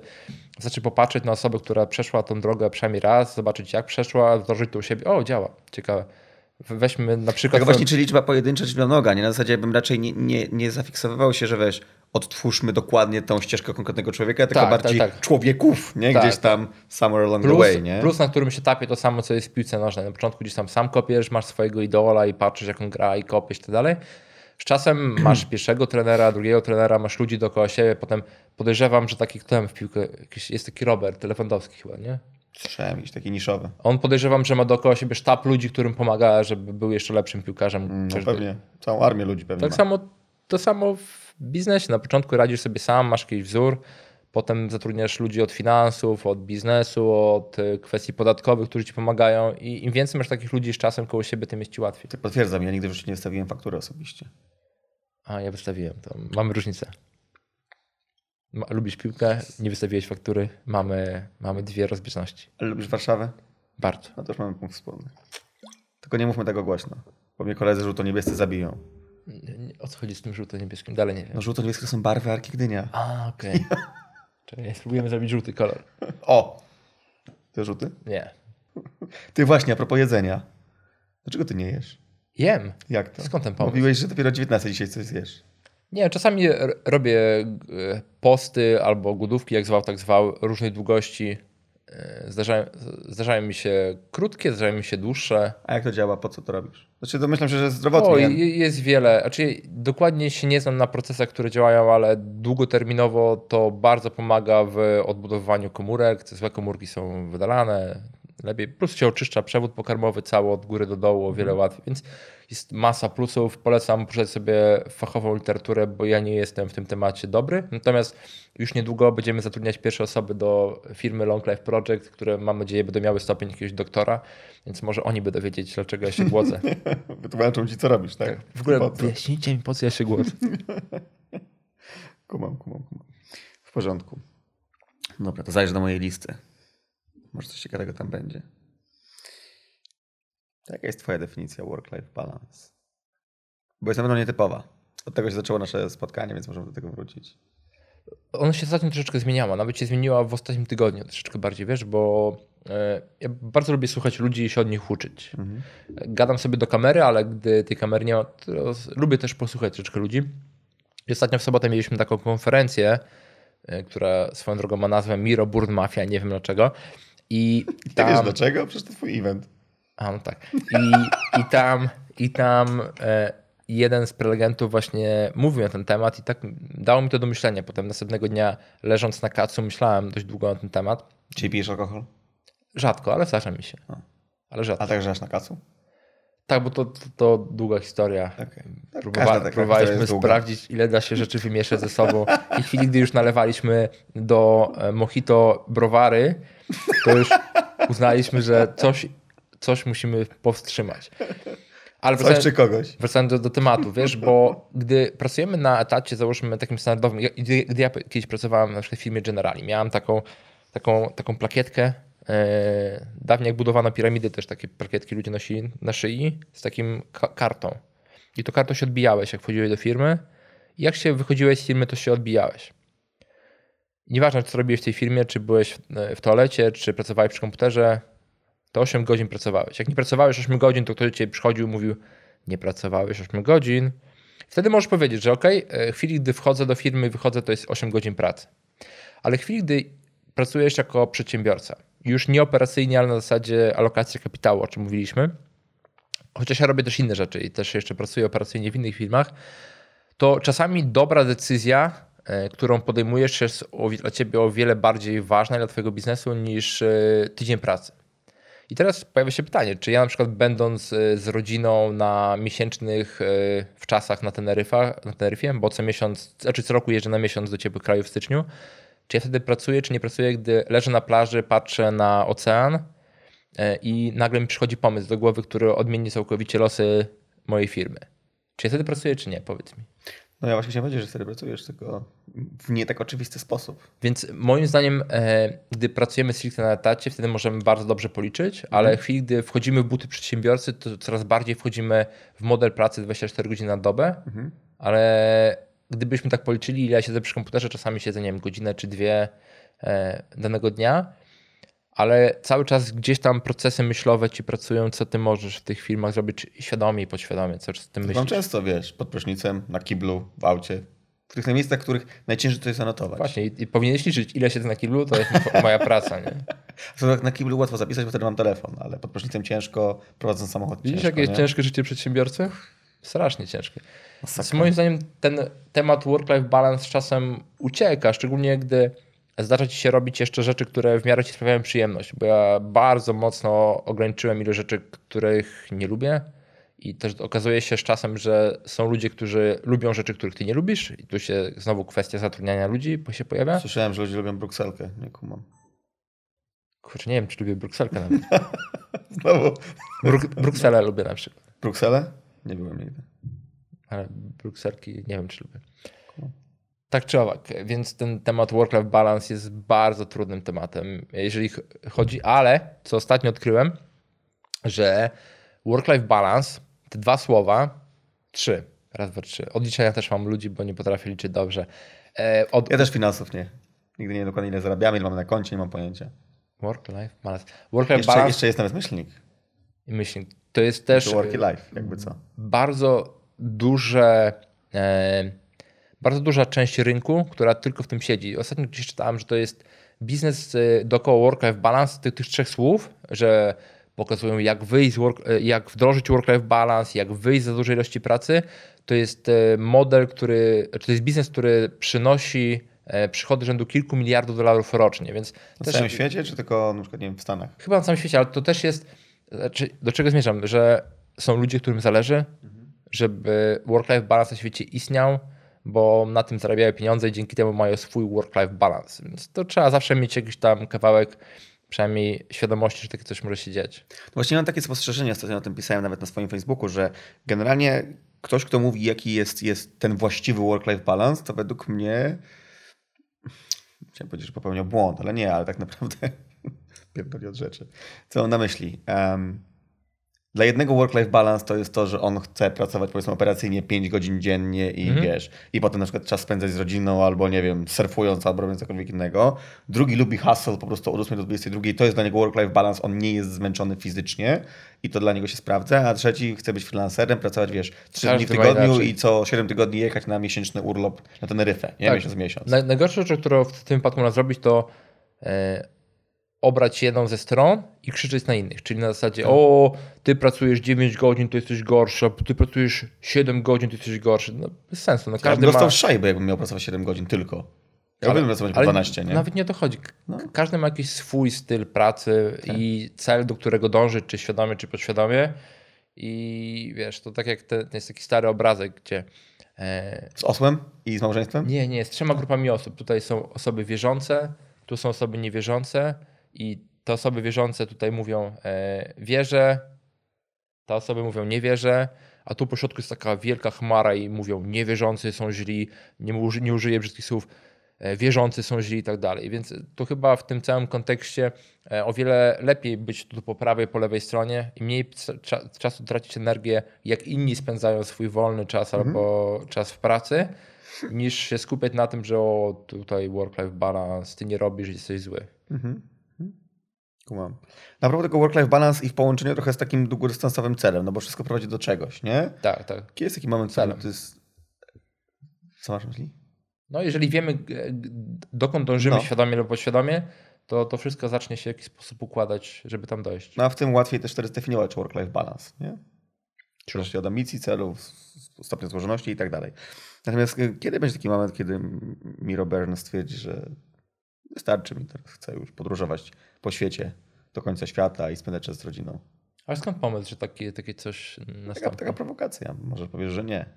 Nie, nie wydaje mi się, bo yy, ja cały czas uważam, że każdy z nas jest yy, na, na tym świecie po coś. I każdy ma swój problem do rozwiązania. Niektórzy mają problem do rozwiązania w kontekście jednej osoby, niektórzy w kontekście grupy, rodziny. Ja taki problem chcę rozwiązać, żeby Arka wygrała Ligę Mistrzów. Tak. I jesteś w kontekście powiedzmy grupy albo kraju. Niektórzy tak. mają potrzebę rozwiązywania problemów międzygalaktycznych, patrz Elon Musk i mhm. SpaceX. Mhm.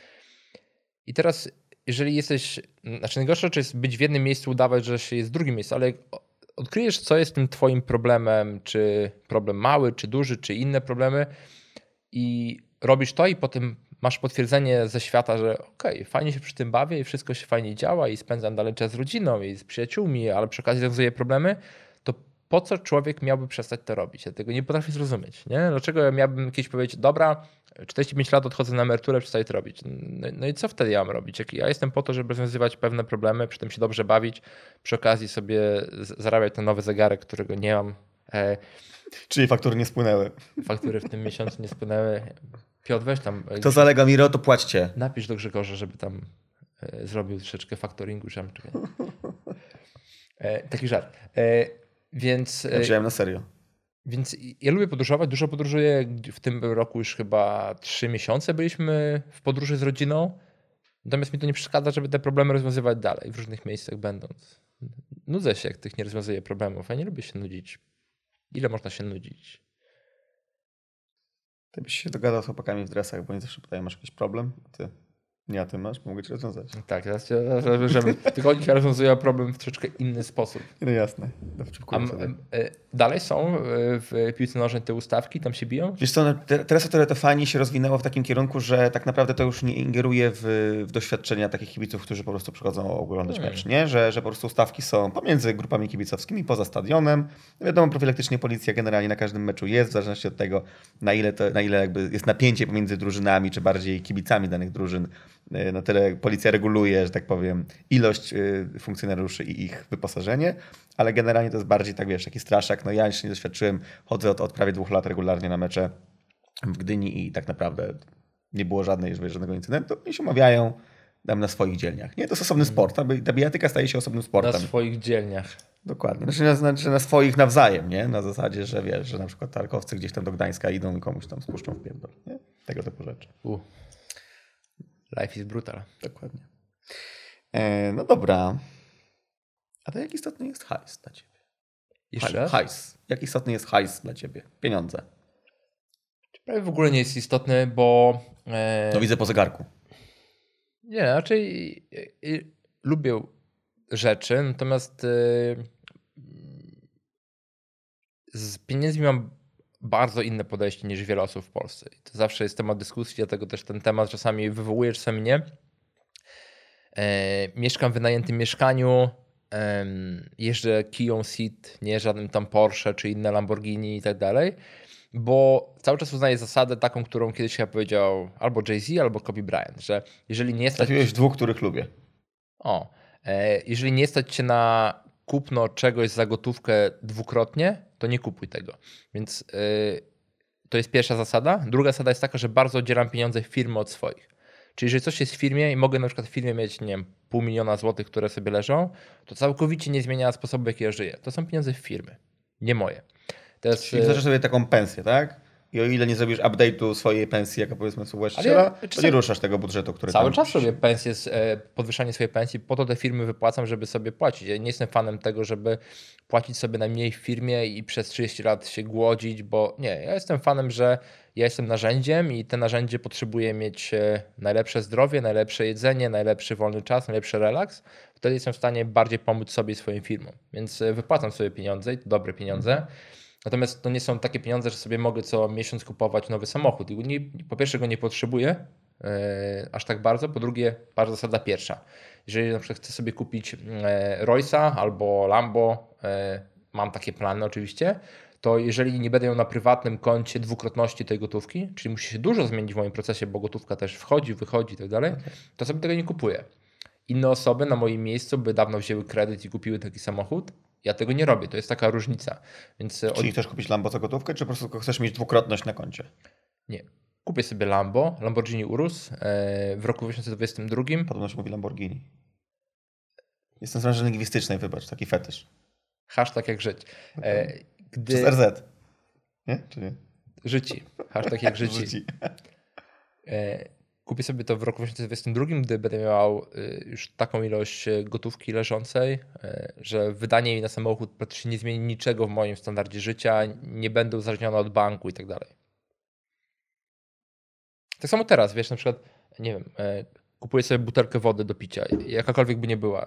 Nie zastanawia się nad tym, czy to jest, czy, czy przeżyję, czy w ogóle muszę brać na to kredyt, nie? I to jest taka wolność finansowa, która mi odpowiada. Ja zarabiam cały czas, E, mam duże cele finansowe, które za kilka lat będę realizował.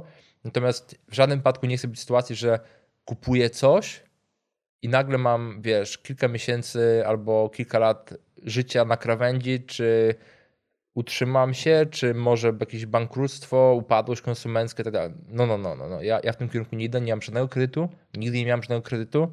E, póki co nie planuję mieć kredytu. Mhm. Jest mi z tym bardzo dobrze, śpię spokojnie, to mamy kolejny punkt wspólny. Śpisz spokojnie? Śpię spokojnie. Miałem... A możesz to udowodnić? Bo ja mogę udowodnić, bo mam że pierścień, spoko... że śpisz spokojnie? mam pierścień, który mierzy mój sen. Ale bajo, pokaż. Się nazywa Ora Ring. Prawda? I masz co na to jakąś apkę? Jest apka, jest chmura i te wszystkie dane a propos każdego ale elementu. chmura ogarnia chmurowisko? Nie, to akurat inna chmura, ale też te dane tam spływają. I to naprawdę bada twój sen? Wszystko, każdy element. Głęboki sen, sen REM, temperaturę, HRV, E, resting heart rate i wiele różnych rzeczy. Dużo trudnych słów użyłeś. No bo tak ja mam pierdoły, których nikt nie rozumie, nikt nie potrafi przetłumaczyć dobrze na polski język. Ale można szpanować. Można szpanować. Jakie twoje było HRV? No dzisiaj było 100. Ale, Haj, hajowe, a dzisiaj ale, moje lowowe było. A dzisiaj było lowowe. Tak. Kumam, kumam, kumam. Dobra, to jest coś jeszcze mądrego, co chciałbyś powiedzieć, o co nie zapytałem? Nie, bo nie mam dużo rzeczy mądrych do powiedzenia. Znowu skromność. E, no nie wiem, co ci powiedzieć. Znaczy, jestem ostatni. O, jedną rzecz powiem, bo już o tym wspominałem. Za każdym razem, gdy czytam książkę How to Get Rich Felixa Denisa, zawsze wyciągam e, coś innego. I to zachęcę osoby, które e, może słuchają ten podcast albo oglądają ten podcast. Że przesłuchały kilka razy. Przesłuchały albo poczytały sobie, bo w tej książce jest wiele i to jest taki. Jak to... Ale czekaj, żeby przeczytały, przesłuchały nasz podcast kilka razy też, ale też książka jest w wersji audio. E, mi się strasznie podoba. Mało komu się podoba, jest takie poet, poetycznie czytana przez takiego Anglika, który ma specyficzny akcent, ale w tej książce jest tyle skarbów, bo tak jak to było wiele razy wspomniane, Felix Denis pisał tą książkę, gdy już tam był multimilionerem, miliarderem, już, już wszystko miał ułożone, a napisał tą książkę, bo siedział przy kolacji i tam ktoś mu powiedział, to tam Felix narzekał na te poradniki i on mówi, Felix napisz swój antyporadnik. No i no dobra, napiszę. Napisał i po prostu jest wy, wypełniona skarbami książka. Tytuł może nie przyciąga wzroku, bo jest How to Get Rich, natomiast e, jest tyle mądrości w tej książce i większość rzeczy, które robię w biznesie opiera się też o tą książkę. Niedługo polskie wydanie e, u Lepiej angielskie. Albo angielskie. A jak ktoś nie ogarnia angielskiego, to wie gdzie iść, nie? To wie gdzie iść. No dobra, ostatnie pytanie. Komu kibicujesz?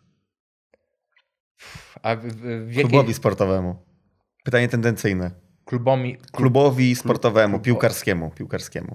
Nie wiem, a jakie są? No pytanie tendencyjne, no. Tu miałeś ściągawkę. Żółto-niebieski. Kto? Nie, ja, ja, ja, ja bym bardzo chętnie, ja kibicuję wszystkim, bo nie wiem w ogóle... Bo Kibicujesz dobre rywalizacje. Ja ogólnie jestem wielkim fanem e, wielkim fanem e, patrzenia czasami na świat i obserwowania e, hipokryzji. Teraz, e, ale no, po, no, rozwijmy ten temat, będzie ciekawe, dawaj no. Powiem ci o czym mówię, czasami mi się zdarza, załóżmy, i nieważne czy tu mowa o firmie informatycznej, czy o firmie edukacyjnej, czy o którejś innej, Zdarza się, zdarza się, że ludzie na przykład piszą mi, że to, co robisz, nie jest prawdziwą pracą. Nie? Czyli załóżmy, mamy firmę informatyczną, firma informatyczna, która ro, robi pewne rzeczy, to nie jest prawdziwa praca. I potem często obserwuję to osoba. Na przykład czasami, yy, gdy odchodziłem na przykład z etatu na własną firmę, to ktoś mówi, że się sprzedałeś. I wtedy znowu wchodzę w te osoby i ja po prostu lubię sobie patrzeć, czym te osoby się zajmują. Mm -hmm. Nie wszystkie się upubliczniają, niektóre upubliczniają. I teraz E, czasami patrzę właśnie na te osoby i zdarza mi się na przykład, gdzie trafi się jakiś piłkarz, który to mówi, albo fan jakiejś piłki nożnej. Teraz, gdy patrzymy sobie Ale mówi co, ten fan piłki nożnej albo piłkarz? No załóżmy, że to, co ja robię, to nie jest prawdziwa praca, nie? Okej, okay, okay. Firma, jakby piłkarz ciebie skomentował, tak? Teraz... Firma informatyczna. Jest, tak. Wiesz, ilość, e, tutaj informatyka, na czym polega? Siedzi człowiek i klepie w plastik. Trochę myśli i klepie w plastik. Nie? Czyli programuje coś. Zazwyczaj piłkarz biega, biega po trawie i kopie kawałek skóry. Mhm. Co jest... Life is basic generalnie, rzeczy jest proste, prostolinijne. Więc e, wiesz, e, nasz świat się tak szybko zmienia, że pojęcie pracy się też cały czas zmienia. I teraz mhm. E, coś, co ty robisz w tej chwili, zajmujesz się kwotami marketingu online, mhm. sporo też social media mhm. i brandingi. Mhm. Branding to zawsze było, ale tematy social media przecież istnieją od 10 lat i teraz co chwilę nowe kategorie pracy się pojawiają, więc wiesz, e, my często tracimy rozeznanie, że o ja, ja albo drugą stronę, ja ci siedzę przy klawiaturze, piszę klawiaturę, ale to, co robią inni, to już nie jest prawdziwa praca. No dobra, to, co robiłeś, to już 40 lat temu nie, nie, było jeszcze dostępne na świecie. I za 20 lat już będzie zautomatyzowane tak, w dużej a, części. A propos, tej, a, a propos jeszcze drugiej tej historii, gdzie e, to mi zostało tak w pamięci, często o tym mówię, że pisał do mnie człowiek, że hej, sprzedałeś się, jest takie polece, powiedzenie, sprzedał się za paczkę fajek, pamiętasz? Coś było, no. I wszedłem na niego i to był właśnie informatyk, który pracuje w firmie, nie powiem nazwy, ale bardzo duża firma globalna, największa, która produkuje papierosy. Jestem informatykiem. I teraz, e, gdy popatrzymy na to znowu, dla niego z perspektywy to, że ja robię coś dla siebie, jest sprzedaniem się. Dla mnie to, że on pracuje w firmie, która robi papierosy, które zabijają ludzi, jest sprzedawaniem się. Więc wszystko zależy od punktu widzenia, punktu siedzenia. Dla jednych ludzi piłka nożna jest czymś bardzo ważnym, dla innych jest czymś, co istnieje i są tego świadomi. Więc ja jestem w tej grupie, która istnieje i jest tego świadomi. Nie oceniam, bo to jest niesamowicie ułożony biznes. E, kto lepiej wygląda i ładniej strzela, ten dostarcza więcej reklam, ten więcej zarabia. Tak działa świat. Zgadza się. To kiedy będziesz w Gdyni? Piękne do obserwowania. W Gdyni? Kiedy będziesz w Gdyni? Byłem w życiu dwa razy. I kiedy będę, nie wiem. Rzadko Warszawę opuszczam. To będę cię namawiał w takim razie. Na mecz? Wywiadzie. Nigdy nie byłem na, razie na Gdynie. Nigdy nie byłem na meczu piłkarskim. No to, że tak powiem, no rozdziewiczymy cię po prostu przy ulicy Olimpijskiej. Kurczę, boję się tego. Rozdziewiczymy cię razem z moimi kolegami z Arki Gdynia, taci, co, co chodzą na dzielnicę na ustawki. Nie no, spokojnie. Jestem w takim sektorze takim spokojnym. Ja bym nie, nie, nie nadążył. Ja nie jestem, jestem spokojnym człowiekiem, jak widzisz, także i naprawdę, znaczy powiem ci, że to jest w ogóle fascynujące, bo jak już sobie tak rozmawiamy chwilkę o piłce nożnej, to, to generalnie ja tam e, szczególnie tak jakby trzy typy sektorów. E, jest jeden sektor, na którym przychodzi się tylko oglądać mhm. i praktycznie w ogóle nie kibicuje się. Sektor generalnie VIP-owski, tam wiesz, nie? Prezydent miasta i tak dalej, siedzisz sobie. To nie jest rodzinny sektor, natomiast to jest, wiesz, ważni panowie, ważne, ważne panie i tam się, wiesz, masujemy, nie? Jacy to jesteśmy zajebiści. Mhm. Albo tacy, którzy po prostu nie chcą za bardzo tam się angażować w mecz, jeżeli chodzi o jakieś skandowanie czy coś. Więc oni oglądają, a raczej się nie, nie, nie angażują w kibicowanie. Obok nich jest sektor górka. To jest święty sektor. Jak się nazywa ten sektor, nazywa się Górka. To jest święty sektor, to jest sektor, na którym są najbardziej zaangażowani kibice. Oni generalnie rzucają rytm, oni śpiewają, oni mają bębny. Bez nich generalnie ten mecz pod kątem oprawy i tam, tego nie było. Tam ja nie mogę wejść? Możesz, tylko mogę. generalnie rzecz biorąc, tam generalnie w momencie, kiedy nie śpiewasz, to możesz zostać lekko po głowie. I ja to rozumiem. Fizycznie. Nie? tak, na zasadzie śpiewaj. Nie? No bo jesteśmy w tym sektorze po to, żeby dopingować cały zespół i narzucać rytm reszcie stadionu, bo w momencie, jeżeli oni nie będą śpiewać, jeżeli nie będą narzucać rytmu, to reszta stadionu będzie siedzieć i po prostu oglądać, a to naprawdę wpływa psychologicznie na, na, na, na tych, na, na piłkarzy, no bo jak oni czują wsparcie własnego, wiesz, własnego boiska, własnych kibiców, no to generalnie podświadomie, tak, psychologicznie tak. mają większą pewność siebie na boisku. Oczywiście to nie gwarantuje zwycięstwa. Mm, no, Podstawa umiejętności. Dokładnie, nie? Natomiast no, gdzieś tam dodaje x procent, który ciężko jest skalkulować. I trzeci sektor, na którym ja jestem, to jest sektor, który z jednej strony e, kibicuje, nie? bo my cały mecz stoimy, nie, nie siedzimy na, na, na fotelikach, gdzie na przykład ten pierwszy Wipowski granie siedzi, oni się raczej nie, nie, nie podnoszą. Tam ewentualnie na samym starcie, jak jest hymn klubu, bo jest normalnie hymn klubu, nie? Tak jak kraje mają swój hymn, tak kluby też mają swój hymn. Mm, to oni jak ewentualnie tam wstaną, ten, ten sektor Wipowski, natomiast to jest ostatni moment, kiedy stoją, no i wstają jak jest przerwa, bo idą, wiesz, tam po, po kiełbachę na, na, wiesz, na, na zaplecze. Mm, a ten sektor, na którym ja jestem, nazywa się Tory, bo za, za stadionem po prostu są tory kolejowe i tak to jest nazwane. No tam generalnie stoimy, skandujemy, natomiast tak jakby powtarzamy za, za, za górką, nie? Ci, tak, którzy tak. narzucają rytm, natomiast na torach nikt nie urwie łba za to, że nie kibicujesz, nie? E, I ja myślę, że to jest bardzo dobry podział, bo tak naprawdę każdy ma swoją rolę i, i mówiąc szczerze, ja nie chciałbym być częścią po prostu górki. Byłem kilkukrotnie na, na, na sektorze górka i po prostu, wiesz, jakby ten tam jest aż za dużo energii dla mnie. Tam w momencie, jak jest strzelona bramka, to po prostu robi się, wiesz, takie szaleństwo, że ktoś może na ciebie wpaść po prostu, nie? E, co, coś, coś na, na, czego na torach nie ma. Na torach natomiast jest to zaangażowanie, natomiast jest trochę bardziej to takie wybalansowane, nie jest to takie, takie chaotyczne, nie? Więc każdy może znaleźć coś dla siebie. No oczywiście jeszcze jest sektor rodziny, natomiast to już taka bananownia, że po prostu no tam siedzą rodzice z dziećmi i no, to jest nudny sektor pod kątem bycia tam. No i ostatni sektor to jest sektor y, kibiców przyjezdnych, natomiast on bardzo często jest pusty, no bo tak jak, tak jak, tak jak już wiesz, piłka nożna w Polsce jeżeli chodzi o taki background emocjonalny, jest bardzo mocno intensywna i czasami to na przykład zakazy stadionowe, w takim sensie, że na przykład wojewoda pomorski zakazał y, na meczach derbowych, czyli Arka Lechia, tam na dwa albo trzy lata po jednej takiej akcji, która się odbyła na stadionie, na dwa albo trzy lata w ogóle nie można było, w sensie Arka nie mogła pojechać na mecz Lechi, a Lechia nie mogła przejechać na mecz Arki, nie? No i wtedy oczywiście jest trzy razy więcej policjantów, tam jakieś armatki wodne i tak dalej, nie? No ale to też jest część tego ekosystemu, to też jest część tego klimatu którego ja lubię taką częścią, ale taką pasywną, nie? W takim sensie obserwować. To jest dla mnie niesamowite, fascynujące i też bardzo inspirujące, bo to, to jest coś, co jednoczy ludzi wokół jednej idei, nie? I, i, I, czasami, wiesz, możemy się zgadzać w pełni z tą ideą, czasami nie, natomiast generalnie to jednoczy ludzi. Tam wszyscy są, wiesz, w jednym celu. Generalnie mam wygrać. I nie jest na zasadzie, wiesz, ten woli to, ten woli tamto. Nie, tam wszyscy są w jednym celu, są zjednoczeni. To jest dla mnie piękne. Wszędzie jest inny cel. W, w firmie ten cel jest, żeby e, wirtualne cyferki czasami się pojawiły na wirtualnym portalu, mhm. czyli pieniądze. Mhm. E, w piłce nożnej tym celem Cyferka jest to, żeby 1-0, 2-0. E, skórzana kawałek szmaty znalazł mhm. się za linią namalowaną na trawie. Mhm. Wszędzie są różne cele. Dokładnie tak. Także bukuj trip do Gdyni i Wiktor, będziemy działać z e, olimpijską. Szansa, że to się wydarzy jest bardzo bliska zero. Nie znasz moich sił perswazji. Zobaczymy. Okej, okay, no dobra. To czy jest cokolwiek jeszcze, co chciałeś powiedzieć, czy kończymy? Ja, ja czuję się cudownie rozmawiając z tobą, więc Czujesz się spełniony? Dziękuję. Czuję się. Aż, aż tutaj zaczynają aż, cię aż... prześladować. Tak, ale nie, nie ma problemu, bo rzadko odbieram telefony. A, okej, okay. czyli nie dzwoni do ciebie. Na Instagramie do ciebie pisać. Dzwonienie do mnie jest na, na, nieopłacalną rzeczą na obu stron.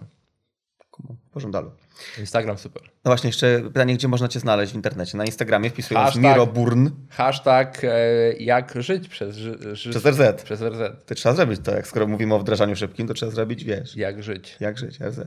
E, tak, a czy bardziej polecam, bo łatwiej jest wymówić i łatwiej jest wejść e, z Akademia.pl. Mhm. To jest takie najlepsze miejsce, żeby zacząć przygodę z Mireczkiem, ktoś miał ochotę.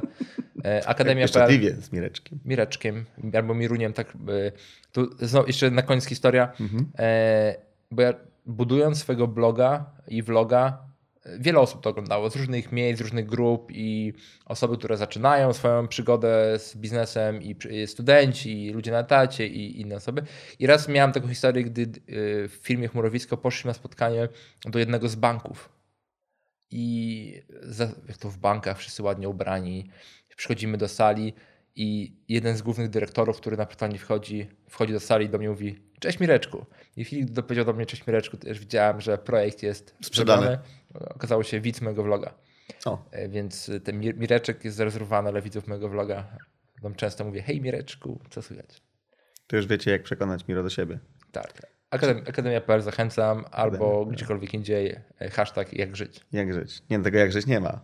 Proszę, będzie. Nie, nie idźmy to drogą. No to, Okej, okay, ale Miroburn to jest twój Miroburn, tak. pseudonim. Wszędzie, Miroburn. Na fejsie, na Instagramie. Wszędzie. Miroburn, Miroburn. Kumam. A na stronie dla dorosłych jaki masz nickname? E, szalona Lolita 69, e, hashtag Mireczek. jak żyć. Dobrze i tym y, śmieszkowym akcentem ja dziękuję, chyba, że ty coś jeszcze chcesz. Również ci dziękuję. To była przyjemność. Dziękuję za trzeci odcinek, poszło dobrze. I weszło. Dziękujemy ślicznie. Cięcie. Ale że Dudka nie wzięli na mundial. Kim jest Dudek? Naprawdę nie wiesz, kim jest Dudek? Nie, wiem, wiem, wiem. O, uf. A który jesteś rocznik? A ty? 91. Jesus. 8-3. Mam, czy jestem młoda dupa. Jeżeli w tej kategorii jest taka szansa. Ale gdybyśmy porównywali wiek biologiczny, to nie wiem, kto byłby młodszy. Pewnie ty bardziej dbasz o siebie. Ale e, ostatnio zauważyłem właśnie trend w podcastach, że tam ludzie się nie szczypią, robią co, biorąc telefon albo inne rzeczy, takie naturalne. Ja myślę, że to jest spoko, bo to wtedy jest takie autentyczne, jakby nie udajemy, że to jest jakaś hermetyczna, wiesz, hermetyczny tak. setup, tylko... Więc nic, nic nie tniemy, Piotr, zakaz cięcia. Jednym take'iem walimy. No chyba, że nagle ktoś wyskoczy z gołą dupą, to w sumie też będzie więcej zasięgu, nie? Czy nie? To, to byłby zasięg. No byłby zasięg, tylko pytanie, czy byłaby konwersja. Czuję się obserwowany. Już zaczęliśmy, Piotr? To będzie ten do, do takiego making offu, ten nasz, nasz cały głupkowaty wstęp. A Piotr potrafi y, nawet making offy włożyć do normalnego, no, normalnego, normalnego. Tego. Jak będę miał internet, to wy tutaj w Warszawie nie macie internetu? Pożyczamy z Gdyni. o, zajebiste. Mam nadzieję, że dobrą cenę wam dali. Coś dobrą dla Gdyni. Najlepszą. Udostępniając to nagranie, pomagasz swoim znajomym i przy okazji wspierasz naszą inicjatywę. A my doskonale pamiętamy o naszych sojusznikach. Wiesz co robić.